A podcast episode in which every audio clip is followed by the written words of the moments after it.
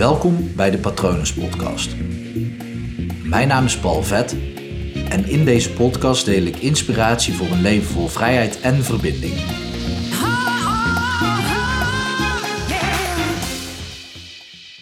Afleiding leidt tot lijden. En ik moet zeggen dat ik soms ook nog steeds in die valkuil trap. Dat komt omdat ik op het moment dat ik dit opneem best actief bezig ben met Instagram posts en reageren daarop.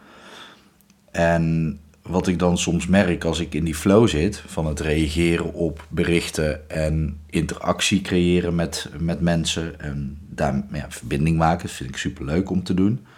Maar dat ik dan s'avonds, ik heb met mezelf de afspraak dat uh, minimaal een uur voordat ik naar bed ga, dat ik mijn mobiel wegleg en het liefst ook alle schermen uitzet. Ehm, maar ik merk dan dat ik om acht uur s'avonds, als ik nog zo bezig ben met reageren op mensen, dat ik het dan heel erg moeilijk vind om mijn telefoon weg te leggen. Wat logisch is, want door de reacties op Instagram, uh, ook door de likes, of dat ik het nou wil of niet, het gebeurt gewoon, uh, maakt mijn lijf dopamine aan. En dopamine is soms een fijn stofje en uh, heb je ook nodig voor bepaalde dingen. Maar is heel vaak ook een zeer verslavend en gevaarlijk stofje. Wat ik dus merk, dus op het moment als ik uh, s'avonds om acht uur nog eventjes uh, lekker aan het reageren ben, dan heb ik gewoon zin om nog door te gaan.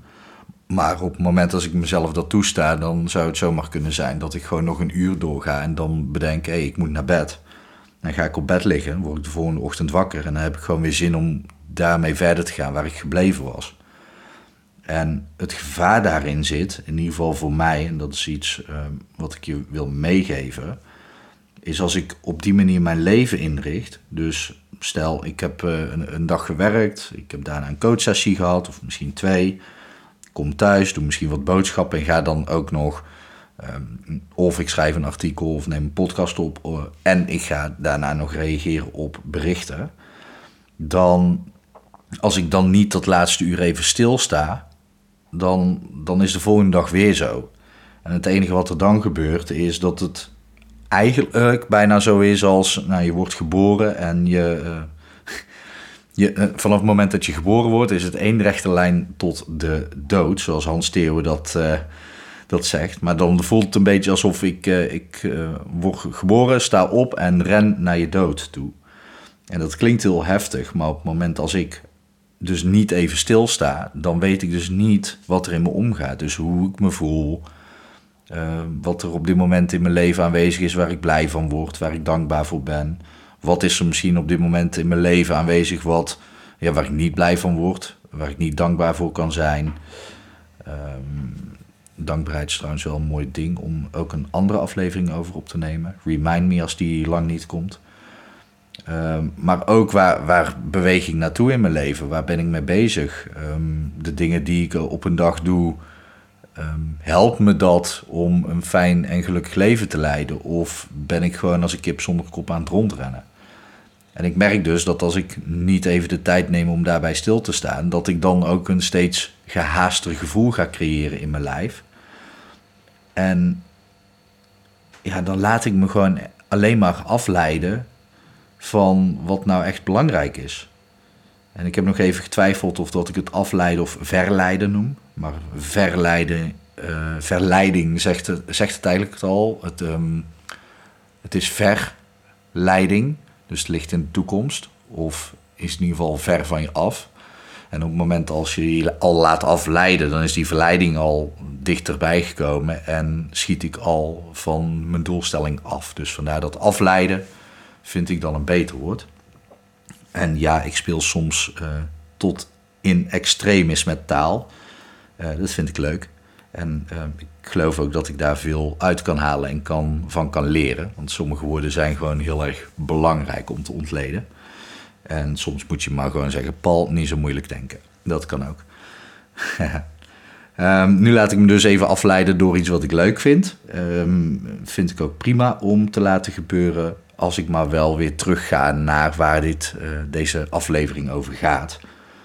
En dit is eigenlijk een mooi voorbeeld wat er ook kan gebeuren op het moment dat je niet bezig bent met je leven te leiden. In de zin van leiding pakken over je leven. Op het moment als je dat niet doet, dan kan je zelfs het idee krijgen dat er steeds weer dingen op je pad komen. Waarvan je denkt, oh, geef me nou eventjes gewoon rust en even de tijd om dingen op orde te krijgen. Om even controle te nemen, om even bij te komen. Uh, maar dat is andersom gedacht, want er, blijven dingen gebeuren in je leven, want je leven is verandering. Dus wat je dient te doen, is elke dag die controle te pakken. En je niet te laten afleiden elke dag. Want ik geloof best dat je echt wel rust hebt. Maar dat als je je hoofd uh, vol blijft stoppen met allerlei prikkels van bijvoorbeeld uh, Facebook of Instagram uh, of andere verleidingen die, waardoor je je uiteindelijk laat afleiden, dan, ja, dan heb je natuurlijk nooit het gevoel dat jij je leven controleert. Dat kan alleen maar op het moment als je echt even stilstaat. Als je even de tijd neemt om gewoon even te voelen. Even ja, op te merken wat er nu is. En ook eens na te denken over: oké, maar wat, wat wil ik nou echt in mijn leven? Wat vind ik fijn? En uh, daar kan je een grote missie aan hangen, een levensmissie. Je kan een bucketlist maken. Maar je kan ook gewoon bedenken van... hé, hey, welke waarden passen bij mij? Wat vind ik fijn op een, om op een dag te doen? En doe daar gewoon meer van. Het klinkt simpel, en dat is het ook... als je maar eventjes stilstaat.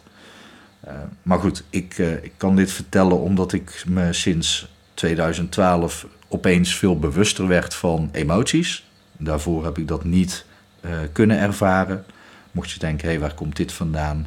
Check even de aflevering over dankbaar zijn voor je ouders. Daarin vertel ik in een minuut of 23 hoe mijn leven eruit heeft gezien en wat er dan in 2012 is gebeurd. Maar voor 2012 voelde ik niks en leefde ik heel erg in mijn hoofd. En na 2012 um, kon ik opeens weer heel veel voelen. En leefde ik dus niet meer in mijn hoofd. Um, dus ja, check die aflevering even. En ja, ik ben in ieder geval blij dat ik regelmatig eventjes stilsta. En ik geloof dat heel veel, heel veel mensen daar baat bij zouden hebben. Eventjes stilstaan met, oké, wat is er nou? Wat, uh, wat is er gaande? En ja, dat kan soms even confronterend zijn.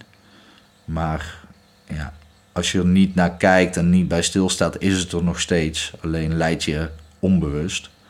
En het is makkelijker om je bewust te zijn van de dingen waar je gewoon niet blij mee bent of dingen die je spannend vindt. Dan kun je er in ieder geval iets aan doen. En als je ervoor blijft wegrennen, dan kan je er niks aan doen. Oké, volgens mij um, is dit een mooi, mooie afsluiting. Ik weet niet of dat ik nog iets over dit onderwerp kwijt zou willen. Nou, dan komt er wellicht nog een 2.0 aflevering. Ik hoop dat op dit moment alles goed met je gaat. Zeg dan niet meteen ja, maar voel even of dat het ook daadwerkelijk goed met je gaat. En zo niet, wat is er dan aan de hand? Maar ik hoop dat alles goed is. Um, als je het leuk vindt om mee te praten, volg me op Instagram onder de naam Palvet. En je kan me ook een e-mailtje sturen als je hier vragen over hebt naar patrones.palvet.com. Geniet van je dag en tot de volgende. Bye.